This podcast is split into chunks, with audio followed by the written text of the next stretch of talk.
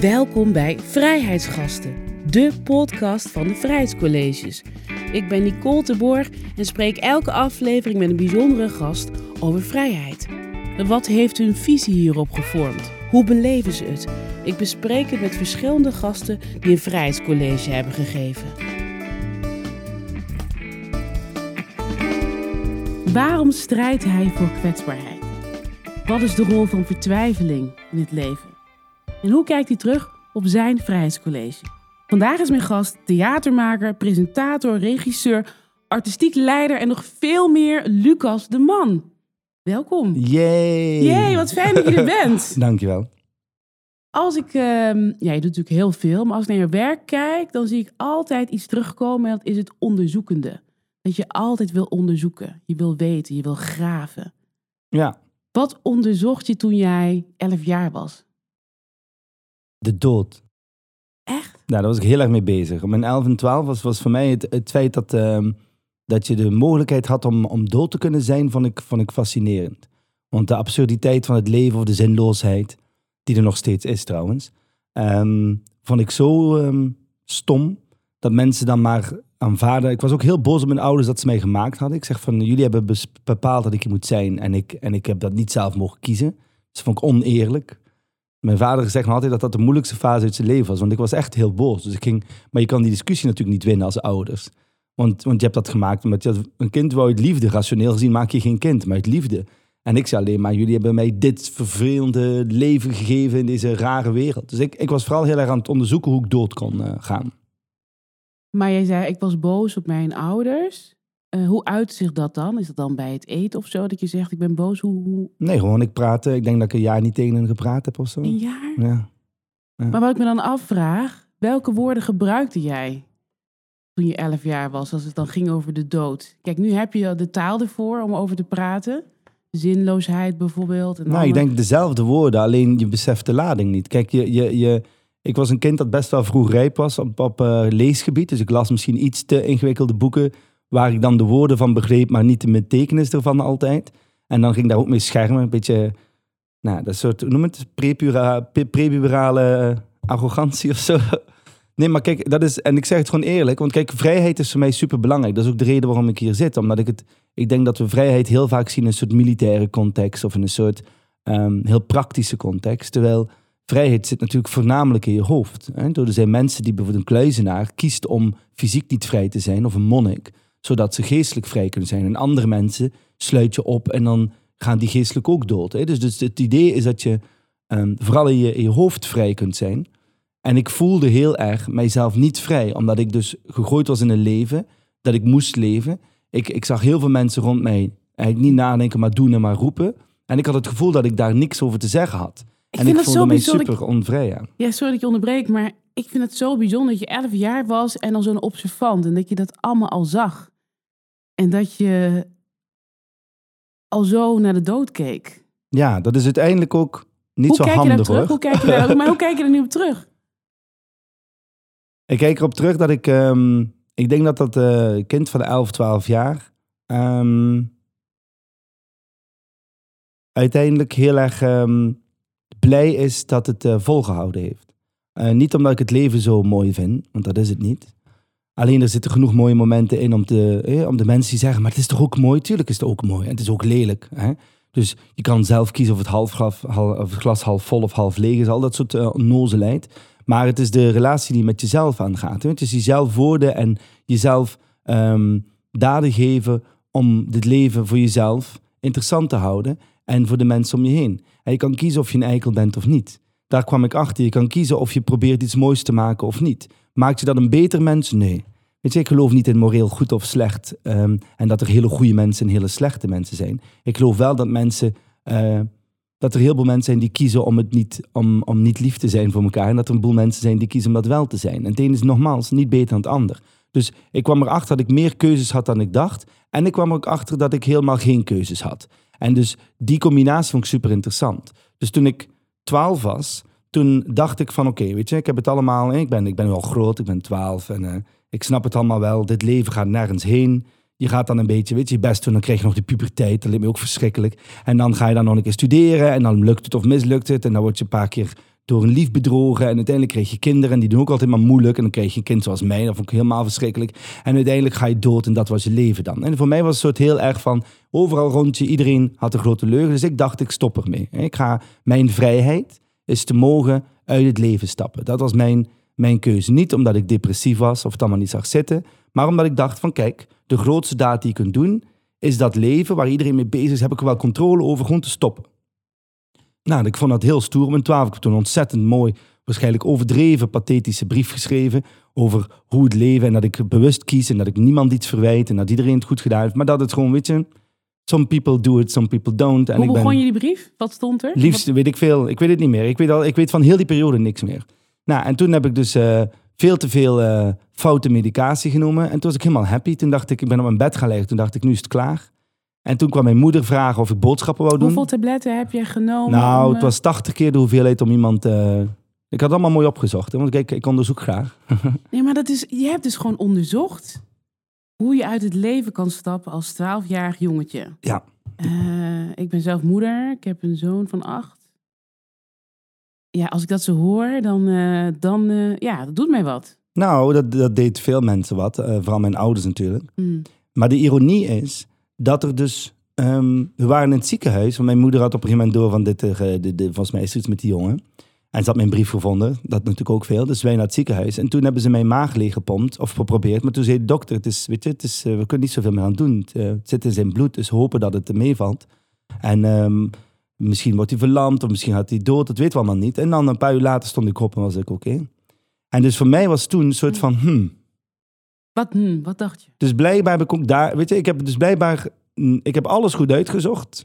En ik mag dus blijkbaar niet dood. Vond ik ontzettend ingewikkeld, weet je. En mijn ouders waren, maar dat, ik was niet bezig met mijn ouders. Weet je, een hele verdriet, een hele pijn. Ik dacht van, hmm, ik moet dit beter gaan doen. Weet je, dat is, het klopt niet. Dus ik ben toen ehm, naar eh, het spoor weggelopen. Ik dacht, ik ga gewoon op het spoor liggen. Weet je, dat is gewoon effectiever met de trein. Tweede poging. Tweede poging, de, de ronde dag daarna. En mijn ouders eh, wisten dit toen niet. En toen eh, was er spontane trein, treinstaking. En toen dacht ik, oké, sorry, maar dit is, dit is nu te absurd. Weet je, ik moet, het, ik moet het gewoon anders gaan doen. Want dit, dit is blijkbaar moet ik niet dood. Want dit is nu, nu wordt het een soort weirde film, weet je wel. Wie wil dat je niet doodgaat? Voilà, dat Wie- dacht ik toen ook. Maar wie, wie wil dat je niet doodgaat? Nou, ik denk uiteindelijk, eh, ik geloof wel best wel in het, eh, in het lot, weet je wel. Dingen vallen zoals ze vallen. En dus, en dus ik heb toen, want mijn ouders dachten, ja, die, dat, dat kind van ons is gewoon geschrift. Dus dat moet naar een van de kinderpsychiater. En ik ben daar één keer geweest. Die man heeft toen een brief geschreven aan mijn ouders. Die jongen weet perfect wat hij doet. Hij is gewoon een klein beetje te jong lichaam en net iets te snel. Dus laat hem gewoon Hij maar zag veel... jou, hij zag jou. Ja, hij zag mij. Nou, hij had het in vijf minuten door. Want hij zei van ja, je bent niet depressief, je hebt geen probleem. Alleen je, je, je- hij zei, je pakt het filosofisch nogal drastisch aan of zoiets. Was zo- Zo'n zin had hij gezegd. Toen dacht ik, ja, gelijk. En toen had hij tegen mijn ouders laat hem maar lekker veel doen. Want dus, dus ga niet hem nu beperken en hem bewaken en thuis. Ga hem maar veel doen. En dus ik heb een boekje geschreven over ehm, mijn filosofie, waarom ik doe wat ik doe. En dat heet Ik weet niet, dus ik ben. En daarin schrijf ik ook dat voor mij het idee nog altijd dat ik mag stoppen met het leven, dat ik dat mag, is super belangrijk. Niet dat ik het per se ga doen. Ik zit niet constant te dreigen van ik ga zelfmoord plegen. Dat heb ik helemaal niet. Maar in mij zit nog altijd het, eh, de mogelijkheid dat ik ook niet kan zijn. En dus toen ik En dat 15 geeft vrijheid, dat je die keuze hebt? Absoluut. Toen ik 15 was, las ik namelijk een tekst waarin stond: Het is niet zozeer dat ik niet wil zijn, het is eerder dat ik niet wil zijn. Of wil niet zijn. Dus de dood, daar kwam ik dan achter, kennen wij niet. Dus je kan niet verlangen naar iets dat je niet kent. Je kan wel verlangen naar niet zijn. Want je bent en je ziet alles en je denkt van ja, dit is gewoon, dit is niet, niet al- alleen, is dit nu het leven? Dus het niet zijn of het niet moeten, dat is allemaal hetzelfde. Dat is namelijk de mogelijkheid dat je ook mag zeggen van even nee. Even stop, weet je, zoom out of ik ga hier anders mee om. Alleen de dood is dat eigenlijk niet, want ik ken dat niet. Dus ik kwam erachter mezelf, ik verlang niet zozeer naar de dood in de zin van eh, eh, einde van mijn leven maken. Ik verlang naar af en toe mogen niet zijn, zodat ik kan zijn. Hè? En dat was Kies voor mij wel eens vrijheid. voor? Kies je er wel eens voor om even niet te zijn? Om gewoon even te, te zijn? Om Al even, heel veel. Ja, wat voor Ja. wanneer doe je dat? Nou, iedere keer dat je optreedt, iedere keer dat je iets Mhm. moois ziet, iedere keer dat je in een hele goed boek of een hele goede serie zit, iedere keer dat je een goede vrijpartij hebt, of als je echt gaat dansen, of gewoon, het is een mindset. Het is kiezen van, ik ben in het moment, en als dit het einde is, dit het einde. Dus het is niet destructief. Want daar had ik met vrienden over. Ik heb heel veel vrienden die destructief zijn. En dat ben ik helemaal niet. Ik drink niet te veel, ik doe geen rare drugs. Al die dingen heb ik, ik heb dat dus niet in mij. Maar ik heb wel de voortdurende mogelijkheid om te zeggen, it's over. En dat gevoel zorgt voor zo'n kracht. Want ik ben natuurlijk net zoals elke mens elke dag onzeker en ik twijfel en is allemaal wel goed wat ik doe en bla bla bla. De hele millennial stress. Maar het feit dat ik dus mag stoppen, dat ik mag zeggen, er is ook de optie dat het allemaal klaar is. En dat je daar eigenlijk heel erg in berust, dat je niet bang voor bent, dat je daar geen angst voor hebt. Zorgt ervoor dat je best wel oké bent over het algemeen. Hey, maar die rust die jij zegt, die, of de, de verwondering die jij vindt op allerlei manieren. Heel veel mensen gaan er cursussen voor doen, hè? Om dat te vinden. Ja, dan, dan, dan moeten ze maar Heb je nog tips voor ze? Nee, ik heb geen tips voor iemand Nee? anders. Nee. Nee. Want Heb ik je- denk niet, ik denk dat we, ik denk dat je alleen maar kunt, kunt, kunt dicht bij jezelf blijven en luisteren wat je lijf en wat je geest en wat je hart en wat je onderbuik zegt. Kijk, ik volg mijn intuïtie heel erg. Iedere keer dat ik te veel ga proberen te rationaliseren, merk je dat ik geen, geen controle heb. Ik denk dat mensen, kijk, waar ik tegen strijd, want je, je inleiding was heel mooi, ik strijd absoluut voor kwetsbaarheid als een kracht, niet als een, als een eh, zwakte. Maar ik strijd vooral tegen de maakbaarheid, de, de illusie van maakbaarheid. En, en we leven in een wereld die steeds meer pleidooit heeft van maakbaar. Voel je niet in je moment, ga een cursus doen. Stotter je, nou, ga een cursus doen. Voel je slecht, pak een pilletje. Heb je niet genoeg succes, snuif kook. Weet ik veel. Weet We je? mogen niet voelen. We mogen niet voelen. Nou ja, we, we ontkennen dat we mens zijn. Dat we gemiddelde, gemiddelde dag is een zesje. Klaar, is oké. Zes is al best goed. Het is namelijk al 1, 2, 3, 4, 5 en 6, weet je wel. Maar wat is dat mensen? Want je zegt het in jouw vrijheidscollege ook waar we het zo over gaan hebben. Iedereen heeft een eigen definitie van vrijheid. Mijn Ja. definitie is mens mogen zijn. Ja. Maar wat is dat, mens zijn? Nou, dat je aanvaardt dat je het eigenlijk gewoon niet weet. Dat je hier rondloopt. Dus de zinloosheid is niet erg. Die is er namelijk. Er is geen ultieme zin van het leven. Alleen je schrijft zelf je zinnen. Dus de ene keer is een goede zin en de andere keer heb je een niet zo goede zin geschreven. En iedereen schrijft anders. Dus als je mij vraagt, hè, dus een grote filosoof heeft ooit gezegd, de zin van het leven is het feit dat het eh, geen zin heeft. Hè? En daar zit gewoon alle kracht in. Dat kom je natuurlijk achter, namelijk na je twaalf, kom je erachter. Dat, het dus, dat die zinloosheid niet iets is dat jij ontdekt hebt en de anderen niet weten. Maar dat iedereen weet dat het leven in principe geen zin heeft. Dat we allemaal een verhaal maken. De een heeft een geloof waar ik niet tegen ben, wat ik heel mooi vind, maar ik niet zozeer heb. De andere heeft een soort, eh, weet ik veel, ambitie om geld te verdienen, da- noem maar op. Maar eigenlijk hebben we allemaal hetzelfde, namelijk ik ben hier op de aarde. Ik weet niet zo heel goed wat ik hier kom doen, wat juist of wat fout is. En ik hoop dat iemand mij ziet voor wie ik ben. Dat hebben we allemaal. We willen allemaal uiteindelijk gezien worden. En liefde en erkenning. En daarom doen we de mooiste en de lelijkste dingen tegelijk. Daarom vermoorden we elkaar, daarom houden we van elkaar, daarom bedriegen we elkaar enzovoort. Want de mens is per definitie zoekende. Dus onzeker, dus krachtig, dus mooi. En dat zoeken is wat de mens mens maakt. Want een dier voelt ook, denkt ook, dat is al lang bewezen, als bomen denken. Dus het idee je pense donc je suis, hè, dus het, het, het Cartiaanse idee van je denkt dus je bent en, en zo ben je mens is bullshit. Want we denken er veel meer. Het gaat om het feit dat je beseft... hè, van de Ja, mens. tuurlijk. Ja. Ik ben de enige die denkt, "Eh, dat is allemaal niet waar. Weet je, wij zijn deel van de natuur. We, zijn even, we hebben evenveel DNA als een banaan. Weet je, het gaat eigenlijk om het idee dat je beseft dat jij zoekt. Dus ik zeg, ik weet niet, dus ik ben, is de juiste zin. Ik, wij als mens hebben het jammerlijke feit dat wij kunnen denken dat we hier zijn en beseffen dat we geen reden hebben om hier te zijn.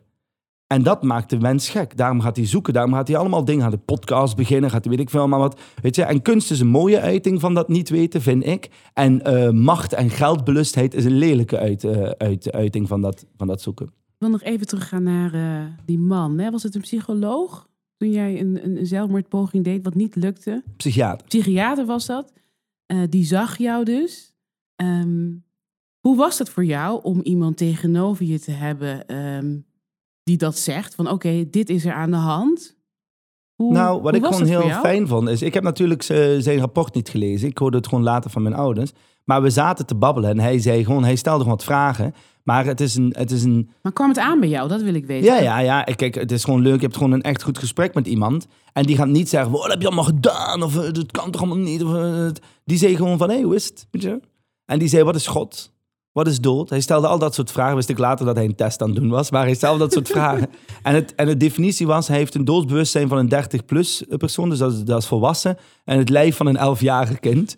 Dus dat is niet zo handig, weet je. Omdat je emotioneel niet begrijpt wat dat is. Je begrijpt sociaal niet wat dat is. Dus je, je, je hebt filosofisch wel ergens een inzicht. Maakt je trouwens niet bijzonder hoor. Het is niet dat ik daardoor een bijzonder of niet bijzonder kind... of niet meer dan een Je ander. hebt meer Elk- ervan. Volgens mij zijn er meer van die zo zijn. Zeker, en hè? elk kind is bijzonder. Dus het is niet als een soort eh opschep. Het is wel, wat ik fijn vond, is dat die gast geen enkel label plakte. Geen Waarom enkel je medicijn dat, geeft. waarom, waarom denk je dat ik dat opscheppen zou vinden of dat iemand dat zou vinden? Nee, maakt niet uit. Het is, het is voor mij, wat ik fijn vond toen, was dat die man had gezegd tegen mijn ouders, laat hem maar doen.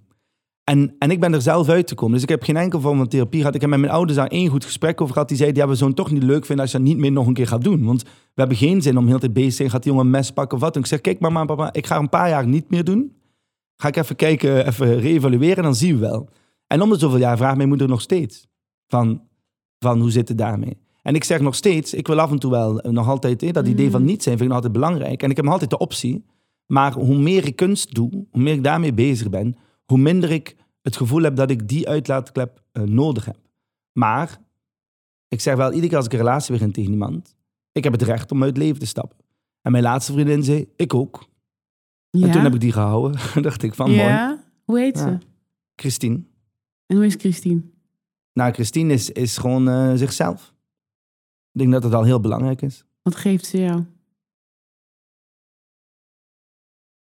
Nou, ze laat mij zijn. En daar houdt ze. Allee, ze houdt van mij eh, om wie ik ben. En, en, en ze, ze, ze leert steeds meer eh, te houden van wie zij is. Want daar hou ik dan weer veel van.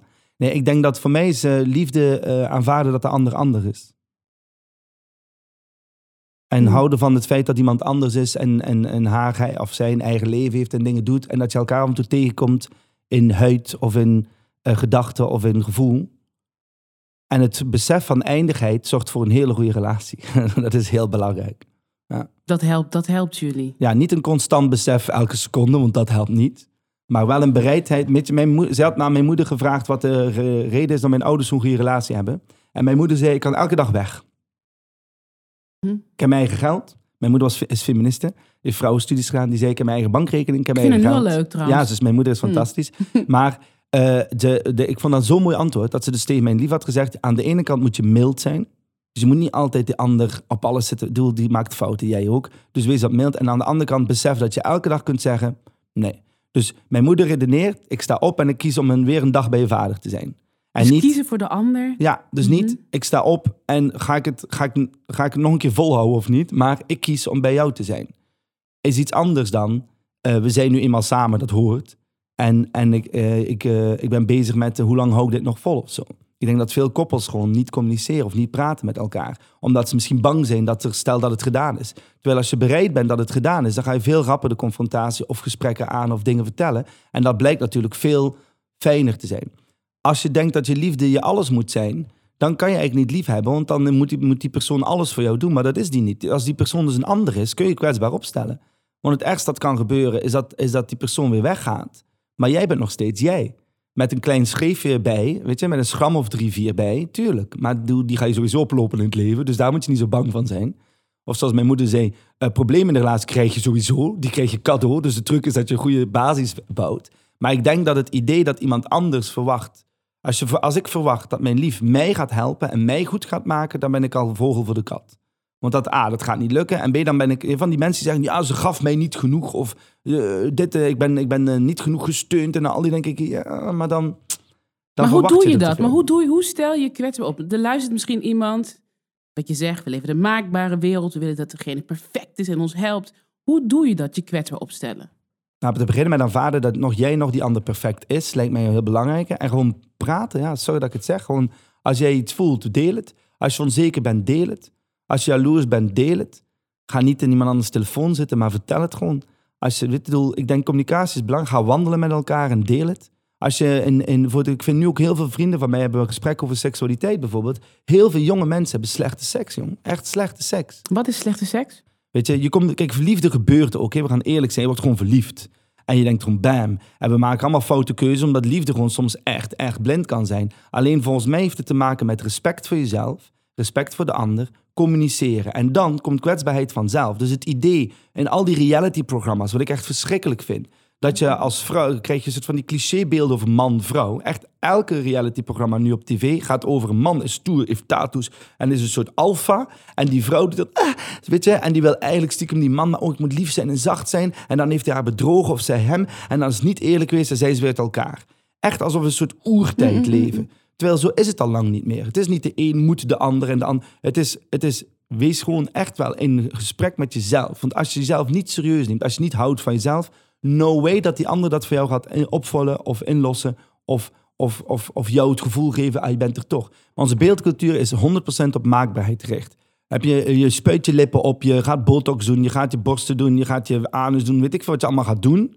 Je maakt jezelf helemaal eh, happy, omdat je dan van binnen wat precies Vrijheid, toch? vrijheid. Weet je, als jij je, eigen leven kapot wil maken, moet je dat vooral doen. Alleen denk ik wel dat we moeten blijven hameren op de binnenkant. Want het is allemaal onzekerheid. Hè? Je eigen zelf opspuiten is dat je jezelf dus niet mooi genoeg vindt en, en dat je eigenlijk ontevreden bent over jezelf. En dus dat communiceren, daar, daaraan werken, aan het feit dat je van binnen durft gewoon mens te zijn. Durft, en, en ik denk, kijk, dat er twee dingen belangrijk zijn. Snappen dat die ander ook niet weet en ook onzeker is en ook zoekt en ook denkt, hou van mij. En beseffen dat je als mens eigenlijk gewoon best wel ehm, rondloopt, zoekend, onzeker en graag wil iemand van je houdt. Als je dat besef hebt, als we dat met onze kinderen delen, dat het oké is dat je zoekt. Dus niet afstraffen, hey, waarom doe je zo? Of kom aan, schat, wees sterk en goed en weet ik veel. Dat is allemaal buitenkant. Werk aan de binnenkant, dus op school. Empathielessen geven, wat ze in Denemarken doen. is fantastisch. Dus dat is een goed tegenwicht tegen die reality series waar je het over zeker. hebt. leren we- Mhm. praten en leren luisteren. En nogmaals, we denken dat we, in dat we goed praten... omdat we in een overcommunicatieve wereld zitten... waar elke drie seconden een podcast wordt gemaakt. Maar we zijn niet zo goed in praten en luisteren. Omdat we namelijk het, het kwetsbare blootgeven... doen niet zo graag. Want we zijn bezig wat gaat de ander denken. En dat blijft als mens. Dat is ook de reden waarom we zo'n sterke soort zijn. Hè? Super controle op elkaar. Alleen, ik geloof wel dat het... het delen van elkaar, het leren delen, het leren luisteren, op scholen al in onderwijs veel meer aandacht moet geven. Of je krijgt dus wat er nu aan het gebeuren is. De ene school zegt homo's zijn niet toegestaan. De andere school zegt eh, eh, je beledigt onze cultuur, dus jij moet dood. Of een leerkracht die dat dan toch. Dus je krijgt gewoon een neo-tribes heet dat. Iedereen in zijn eigen clan. We hebben, wij hebben gelijk, wij hebben gelijk, wij hebben... En er is geen dialoog. En op het moment dat er geen dialoog meer is, heb je geen maatschappij meer. En, en dus in die zin is het wel een spannende tijd. Omdat het heel makkelijk is om te zeggen... wij en de ons hebben gelijk. Jullie en de, de jullie. En dat is gelijk welke soort. Hè? Of je nu van de VPRO bent of van Forum voor Democratie. Maar mij niet uit. Iedereen heeft gelijk in zijn eigen Gelijk hebben, hè? bubbel. Gelijk hebben. Gelijk. Mhm. En gelijk hebben is geen vrijheid. Vrijheid is per definitie aankunnen dat anderen iets anders vinden. En daar alsnog samen in een kamer over kunnen praten. Dat, is vrijheid. Ja. Dat is weer een andere, andere definitie. Ik wil even gaan naar, eh, je hebt een stichting, Nieuwe Helden. Ehm, in de missie staat ook dat het ook gaat om het gaat om ja, dat ontmoetingen noodzaak zijn. Hè? Zonder ontmoetingen gaat het eigenlijk mis. Ontmoetingen zijn nodig om iets teweeg te brengen. Nu zitten we in coronatijd. Die ontmoetingen zijn er veel minder. In ieder geval minder intensief. Wat voor effect heeft dat dat we elkaar minder kunnen ontmoeten? Voordat ik op je vraag antwoord, ik Ja. dacht, eh, het woord ontmoetingen bij ons is filosofischer, wil zeggen niet moeten. Vertel, leg even uit wat de definitie Nou, bij het is momenten van niet moeten. Dus een, een Hmm. ontmoeting, gewoon two people meet, eh, kan een echte ontmoeting zijn, maar kan ook gewoon random eh, Zijn. zijn. Hmm. Dus voor mij is eh, niet moeten, dus een moment van niet moeten, is ontmoeten. Dus een moment van niet moeten met jezelf, Mhm. met een ander of de wereld. Dat is eigenlijk onze, onze filosofie statement. Zeg Dus corona, wat is dat dan in, als je kijkt naar dat niet moeten? Nou kijk, sommige mensen hebben een eh, heerlijke tijd tijdens corona, want die hebben veel meer tijd voor elkaar. Die gaan eh, etentjes met vrienden doen, eh, dan maar met twee tegenwoordig, wat is het? Die gaan veel meer lezen, dus die hebben misschien juist meer momenten van niet moeten met zichzelf en anderen. Dat zijn van die mensen die zeggen, ach, ik vind het heerlijk dat ik even op de rust pauze knop kan drukken. Voor andere mensen is het verschrikkelijk. Want je ziet eigenlijk niemand meer. Of, of je bent heel erg opgesloten met jezelf. Dus kijk, de, de mens is een kuddedier. Weliswaar een eenzaam kuddedier, maar het is een kuddedier. Dus het zoekt voortdurend de ander op. Omdat het met zichzelf, als je te lang met jezelf alleen bent, dan word je gek. Dat is ook de reden waarom gevangenissen uiteindelijk mentale vrijheid kapot maken. Weet je? We hebben de ander nodig. We hebben de ander nodig om, omdat we het zelf niet weten. Dat is eigenlijk het idee. De ander weet het ook niet. Maar het samen niet weten is een stuk in- interessanter dan het alleen niet weten. Dat is volgens mij een samenleving, is een groep mensen die, die, die blijven zoeken. Hoe is het voor jou, deze tijd? Nou, bij mij is het prima, want ik ben, ik ben, wij werken gewoon door. Dus wij als, als organisatie, we mogen minder live optreden, vind ik jammer. Want ik treed heel graag op. Maar we, we hebben wel eh, talkshows online gemaakt en wij gaan gewoon door. Want wij zijn verhalenvertellers en verbeelders. hè. Je kan in elke tijd verhalen vertellen en verbeelden. Weet je, het belangrijkste is dat je iets vertelt dat je wil vertellen. Niet om te vertellen. Dus wij hebben gewoon projecten ook gestopt. Dat we dachten, oké, dit stopt, dat we past nu niet. En we hebben andere dingen begonnen dat we denken, dit willen we nu doen. Wat is er gestopt? Wat is nu niet meer, voor, niet meer moment ervoor? Nee, we hebben een paar grote projecten gewoon niet begonnen. Omdat het gewoon niet... Een, kijk, ik vind wel als je als kunstenaar bezig bent, wil je een publiek bereiken. Maar je wil wel ook kiezen wie is dat publiek. Want je wil wel bij dat publiek zoveel mogelijk impact hebben. Dus als ik random dingen online gooi, dan, dan bereik ik gewoon de mensen die ik al ken. En dat hoef ik niet bij elk project eh, te doen. Weet je? Want dan gaat het om ego-strelerij. Kijk, ik heb hier iets gemaakt, hou van mij. Dat doe ik al genoeg in mijn werk. Maar we hebben bijvoorbeeld voor de, white, eh, de, de G20... Hè, dus de, hebben wij voor de jongere afdeling, voor de Y20, in 23 landen hebben een talkshow gemaakt over eh, nou, de grootste thema's van de jeugd. Hè. Dus hoe gaan we werk vinden straks? Hoe gaan we leven? Waar, waar gaan we naartoe? Dat was super tof. Dat was met mensen uit 23 landen, allemaal onder de 40, een talkshow maken. Je ogen lichten helemaal op terwijl je erover vertelt. Ja, nou ja, ik vind het leukste, het leukste wat er is, is eh, projecten creëren, weet je. Dus ehm iedere keer een project klaar is, dan eh, zeg ik tegen mijn lief van, eh, God, het is al zo lang geleden dat ik nog eens een project heb gedaan. Dan zegt ze, vorige week was er toch een. Dan zeg ik, ja, maar het is al klaar, weet je wel. Waar verheug je het meest op? Is het het resultaat van zo'n van wat het oplevert? Of is het gewoon dat je van A tot Z iets gemaakt hebt? Of dat je, dat je op iets broedt? Wat is dat? dat, je Nee, dat het, het, het, is, het is dat tweede. Het is van A tot Z iets maken, is het allerleukst. Want het begint vaak met gewoon een idee. Ik heb nu een idee om volgend jaar een project te doen op meisjes met de zwavelstokjes. Rond kinderarmoede. Want dat wordt gewoon een mega... In Amsterdam is één op de vier kinderen kan al niet mee. En door de economische crisis, en die wordt pas heftig, by the way. Die corona is er niks bij. Gaan er nog veel meer kinderen uit de boot vallen. Dat vind ik verschrikkelijk. Want we hebben geen beeld meer van kinderarmoede. We kennen dat niet. wat, wat vind je zo verschrikkelijk eraan? Wat zie jij dan als je... Nou, dat we, dat we, dat we in een van de rijkste landen ter wereld leven en er niet in slagen om onze kinderen mee te laten doen. Dat, dat veel kinderen niet mogen, niet mogen meedoen. Dus het gevoel hebben, ik ben minder. En het is wetenschappelijk bewezen dat als je een kind in armoede opgroeit, dat de kans dat het kind eruit komt 10% is.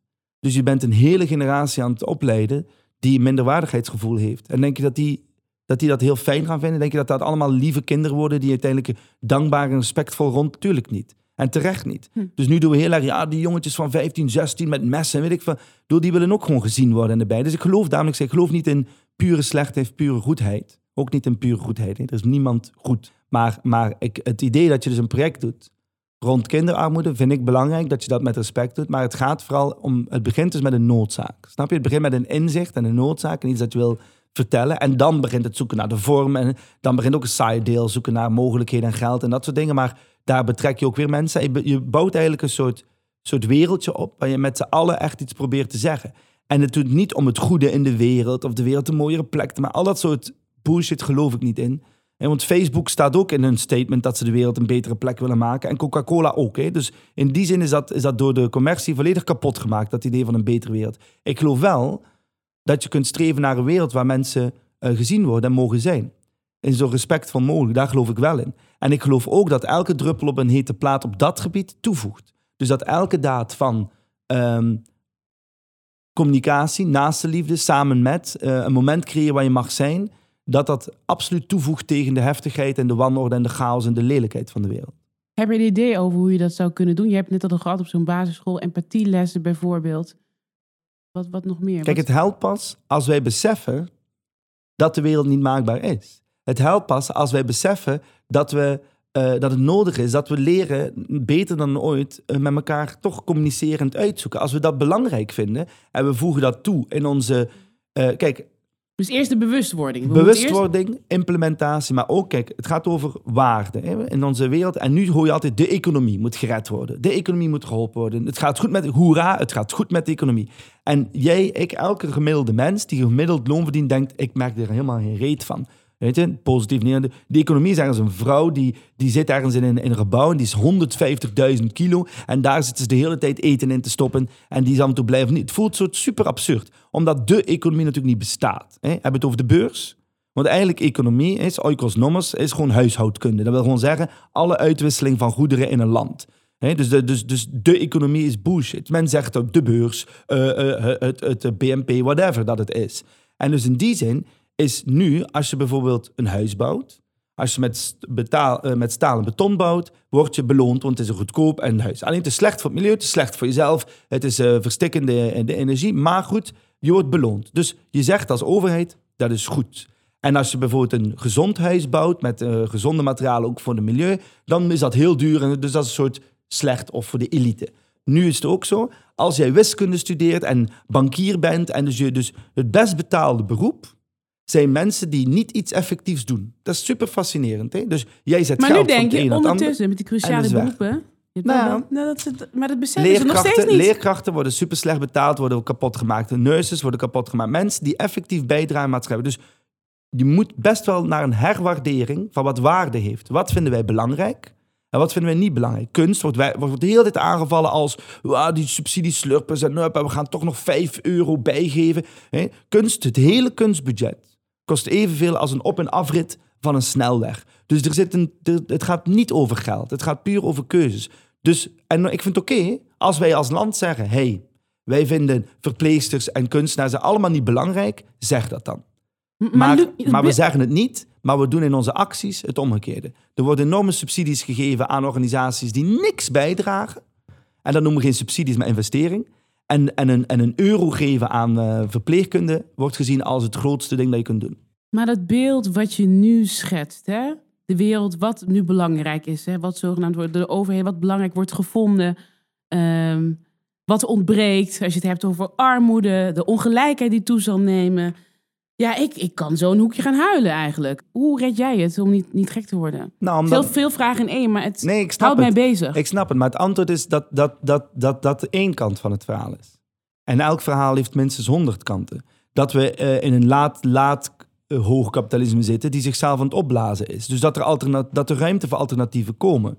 Dat het idee van anders denken, dat er steeds meer mensen bezig zijn van hey, het kan ook anders. Nogmaals, we gaan niet naar een betere wereld, we gaan naar een andere wereld. Hè? Dus altijd. En dat crisissen die Crisis er nu al komen... transformatie. Crisis, Ja, transformatie. crisis is gewoon is per definitie een overgangsmoment. Ik kom van het Griekse crisis, dat wil zeggen verandering of een ander moment. Dus economische crisis, weer al economie, hè, die er straks aankomt, wordt verschrikkelijk.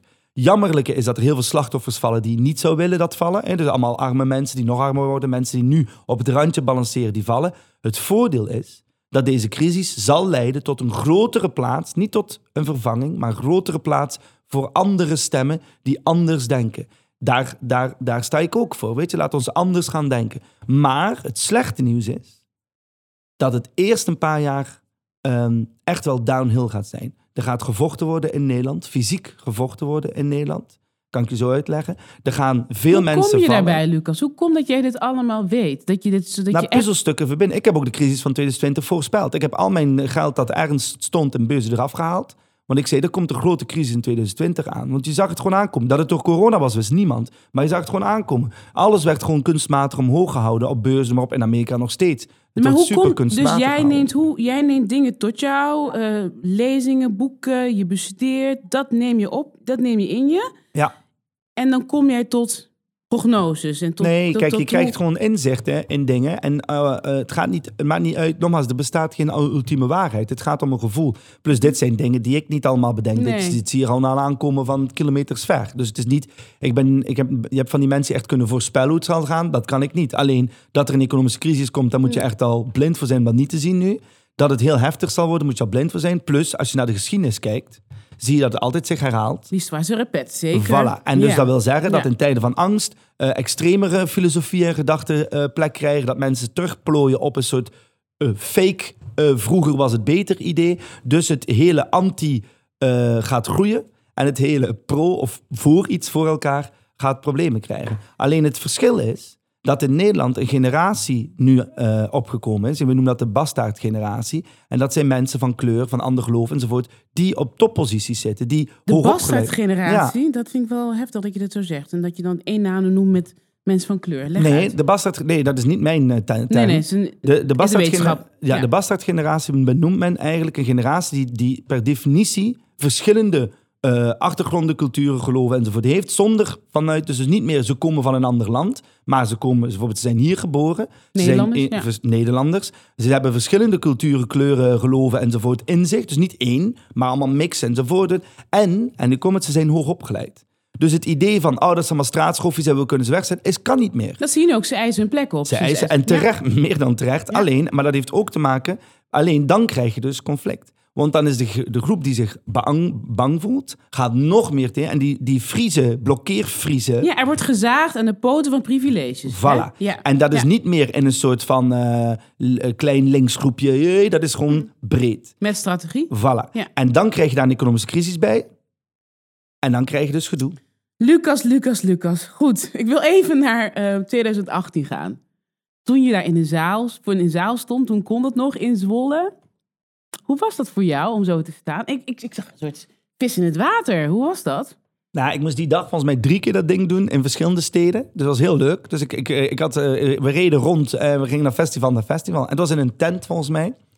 Ja, ik weet niet. Ik, je doet hem en, en zeker in Zwolle was de eerste. Dus je doet gewoon je speech. En je kijkt, doet het iets of niet? Maar mensen kwamen achteraf vertellen dat ze het, eh, dat ze het fijn vonden. Maar je doet niet alleen een speech, je bent niet alleen maar een zender. Ik zie ook dat jij observeert als iemand binnenkomt of iemand doet iets. Je bent ook echt met die mensen. Ja. Heb je dat altijd al gehad? Dat Ja. Je, ja? Dat is belangrijk. Ja. Je moet, ik zeg altijd, als je, je publiek moet het gevoel hebben, als ik het niet was, was het anders. Laat even luisteren naar eh, een fragment. Vrijheid is verschrikkelijk. Het feit dat er geen duidelijk kader is, het feit dat er niemand is die zegt: jongens, zo moeten we het doen en zo niet, maakt jezelf super alleen en super angstig. Want je moet het dus allemaal zelf doen. Dat is het moeilijkste van al. Je staat elke dag op en je zegt: ik weet het niet, maar ik moet deze dag weer doorgaan. En dan ga je naar je werk en je baas die zegt zo en zo moet het. Of je leerkracht die zegt zo en zo moet het. Of je lief die zegt zo en zo moet het. En eigenlijk weten die het ook niet, maar die roepen wel tegen u. Want die zijn even bang als jou. Je mag kijken, wij kunnen helemaal niet met vrijheid om hoor. Wij vinden vrijheid verschrikkelijk. Ja, je hoort jezelf. Twee jaar geleden. Denk Ik was je zo jong toen. Je je was zo, ben je zo oud geworden in twee jaar? maar ben, ben je veranderd? Is jouw visie op vrijheid veranderd? Nee. Gewoon hetzelfde. Ja. Je vindt meer woorden. Mhm. Het verschil tussen de jongen van 11 en nu is, niet, is niks veranderd. Alleen je hebt gewoon meer, meer woorden en, en, en je bent dikker. Dat is het verschil. Je bent helemaal niet dik, joh. Nee, maar ik was toen een stuk magerder Oké, dan oké. Maar vrijheid is verschrikkelijk, zegt het college.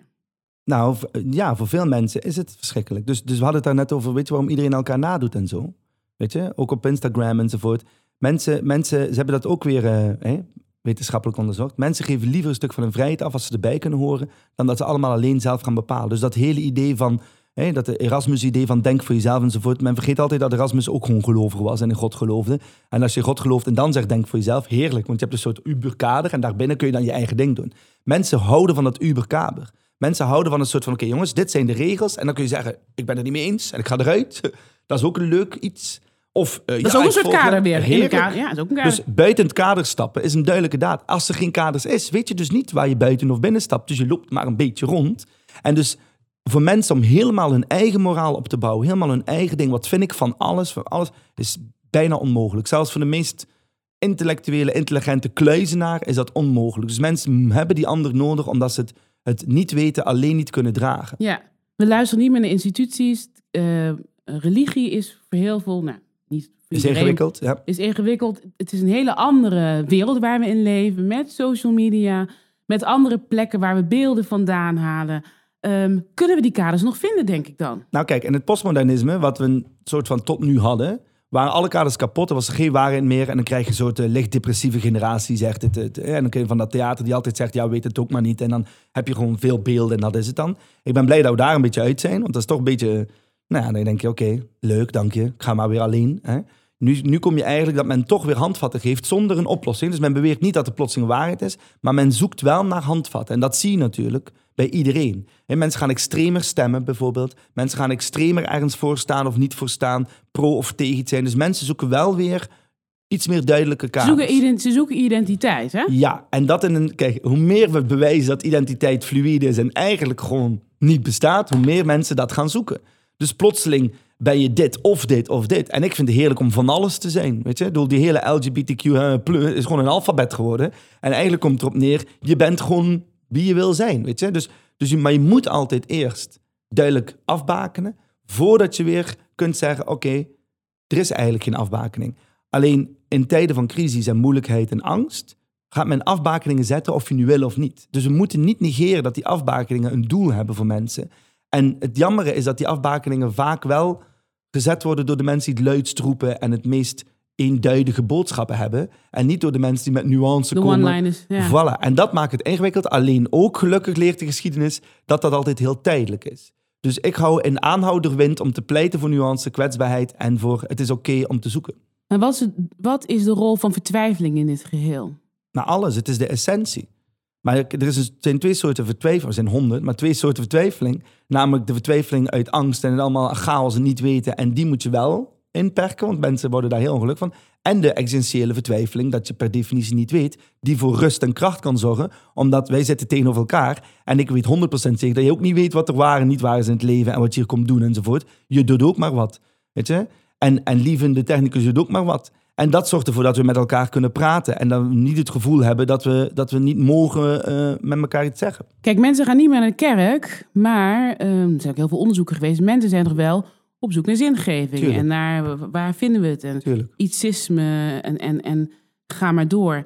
Ehm, De kerk heeft geen monopolie op zingeving. Hè? Nee, duidelijk. De kerk is een tuurlijk. instituut. tuurlijk. Dus zingeving zoeken Maar dat we allemaal. heel veel mensen, omdat ik heel veel mensen hoor praten, maar mensen zijn nog steeds op zoek in de samenleving naar een manier om, om de wereld zeg maar Ja, te en duiden. zolang de mens de mens is, zal hij dat zoeken. Of zij, of het, of hem, of them. Weet je? Ja, de mens zal altijd blijven zoeken naar zingeving. Dat maakt het ook zo leuk en zo verschrikkelijk. Daarom dat ik zeg, vrijheid is verschrikkelijk. Als je tegen een kind zegt, eh, papa en mama gaan niet zeggen wat er mag en niet mag. Je mag alles zelf uitzoeken. Nou, dat kind wordt op een gegeven moment helemaal gek. Waarschijnlijk leeft het ook niet zo heel lang. Als je papa en mama zegt, je mag niks.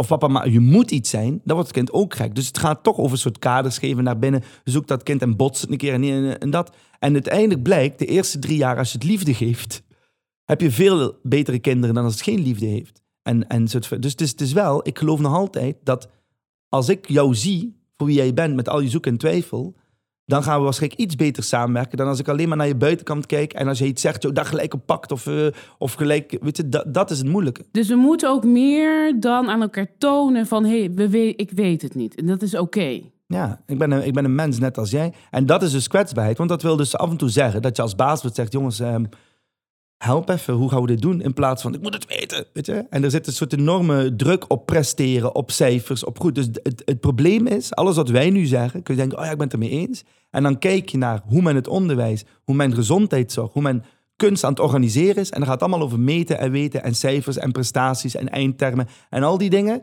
En de middelmaat wint. Want als je een beetje te slim bent, heb je een probleem in Nederland. Als je een beetje niet mee kan of anders denkt, of dyslexie, heb je ook een probleem.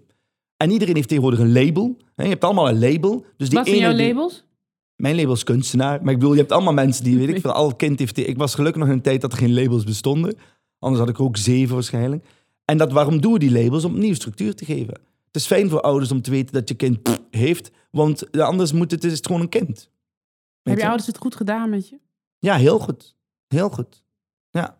Jouw oma, die eh, zei bidden is goed. Bidden is, eh, dat zeg je ook in je college, bidden, dat is het antwoord. Jouw vader, die eh rent naar de wetenschap. Waar zit jij? Ik weet het niet. Hij haalt zijn schouders op als je luistert. Dat is Ik loop gewoon een beetje rond. Ja, en ik probeer wat te creëren. En, ik, eh, en op tijd stoppen. Op tijd stoppen. Ja, Wat bedoel je daarmee? wanneer de tijd er is, stoppen. En of ik dat zelf doe, of dat, door, of dat, dat door het lot gebeurt, dan, dan is dat ook. Dus totdat ik hier wegga, probeer ik zoveel mogelijk mijn intuïtie te volgen. Ik, zal altijd, ik probeer niet de beste kunstenaar of regisseur of zo te zijn. Ik probeer de beste Lucas te zijn. Dus zo dicht mogelijk bij mezelf blijven. En soms lukt dat en soms niet. Bedoel, maar dat is het enige dat ik kan Maar wat doen. mensen zeggen, oh, dat is zo vaag, dicht bij mezelf. Wat is dat, dicht bij mezelf zijn? Naar luisteren. Dat is dat. Net zoals jij luistert naar iemand anders, luister naar jezelf. En stiekem zeg je jezelf heel veel hoor, tegen jezelf, waar je niet naar luistert. Hm. Dat gaat over rust nemen wanneer je rust moet nemen. Dat gaat over toch niet met die ene persoon dit doen. Dat gaat over toch niet dit of toch niet wel dat doen. En dat is voor sommige mensen veel moeilijker dan anderen. Alleen, ehm, ik denk dat een pleidooi voor kwetsbaarheid, een pleidooi voor praten met elkaar en leren onze, on- jezelf en, en communiceren in alles, ontzettend krachtig is en niet vaag of geitenwolle sokken, maar ontzettend belangrijk is, ehm, omdat het wordt zo luid geroepen de hele tijd over eh, voor- en tegenstanders. Oh, op social media, op andere media, op noem maar op. dat, dat, ik, dat ik nog nooit zoveel kwetsbaarheid heb gezien. Ik heb nog nooit zoveel onzekere mensen bij elkaar gezien als nu. En dan denk ik, wauw, hoe, zo, zo luid onzeker zijn, dat zegt ook iets. maar hoe, hoe, ja, ik heb er zelf natuurlijk wel ideeën over, maar hoe doe jij dat, dat luisteren naar jezelf? Wanneer zijn de momenten dat jij weet, oké, nu hoor ik die stem in mezelf? Nee, ik probeer voortdurend te luisteren. Want het gaat over de kleinste dingen. Bijvoorbeeld hier aan meedoen of niet. Doe ik dat of niet? Nou, dan is het gewoon intuïtief. Zeg ik ja of nee. Je onderbuik, je, het is, wat ik hoor, maar je moet zeggen of het, als het niet klopt, het is ook dus die grens aangeven. Waar zeg ik ja, waar zeg ik nee op? Wat heb ik nu Ja, je moet nodig? keer- je moet, de- de oefening is, de leukste oefening is gaan wandelen. En niet bepalen waar je naartoe gaat. En gewoon voelen. Links of rechts, rechtdoor, kijken. En dan gewoon dat doen. Dat als levenshouding.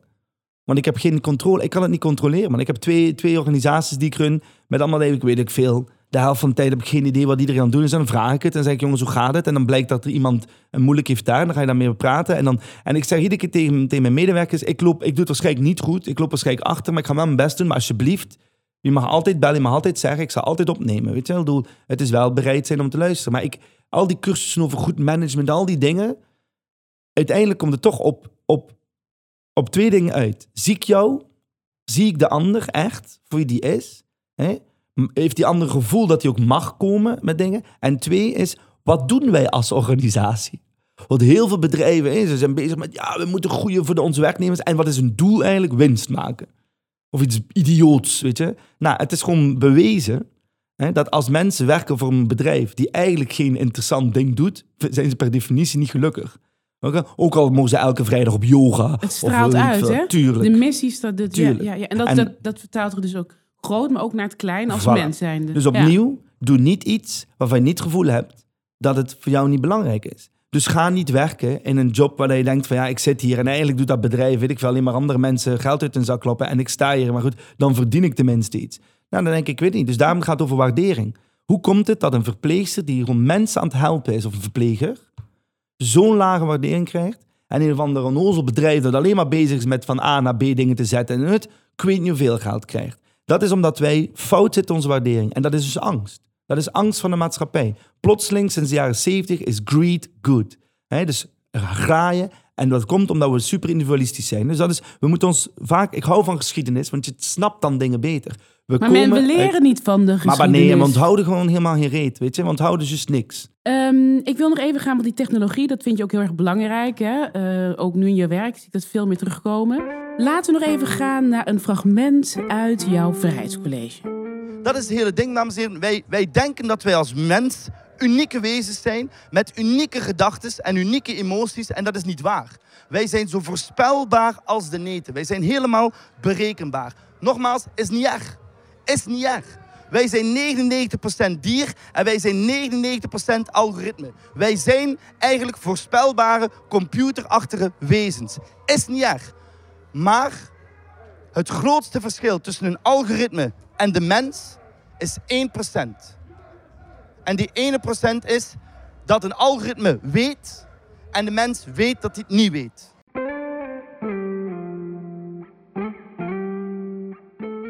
Daaruit. Nee, volgens mij heb ik het best goed uitgelegd daarin. Dus eh, Facebook heeft een, eh, een test gedaan waarbij ze jou, ehm, jij mocht eh, invullen vragen over jezelf, je vrienden, familie en Facebook. Nou, en degene die het meeste antwoorden juist had, was Facebook. Waarom? De mens liegt tegen zichzelf en weet sommige dingen niet. Maar mensen zijn super voorspelbaar. Dat is ook de reden waarom dat er langs alle kanten gemanipuleerd wordt in de reclames enzovoort. Alleen, dit is waarom dat ik, ik vind het heel mooi dat ik zelf zeg, dat is niet erg. Mhm. We moeten niet zeggen, shit, dat is, hoe moeten we dat tegengaan? Want we zijn nog altijd mens. Dus het is niet dat we 100% in alles voorspelbaar zijn. We zijn in heel veel gevallen heel voorspelbaar. Maar gelukkig is de mens nog altijd mens. Dus zit er iets in dat, dat het niet zo is. Alleen ik denk dat we aan de ene kant onszelf soms ontzettend eh, opkloppen. En we belaten onszelf boven de natuur. En wij zijn fantastisch. En, en dat probeer ik naar beneden te halen in die speech.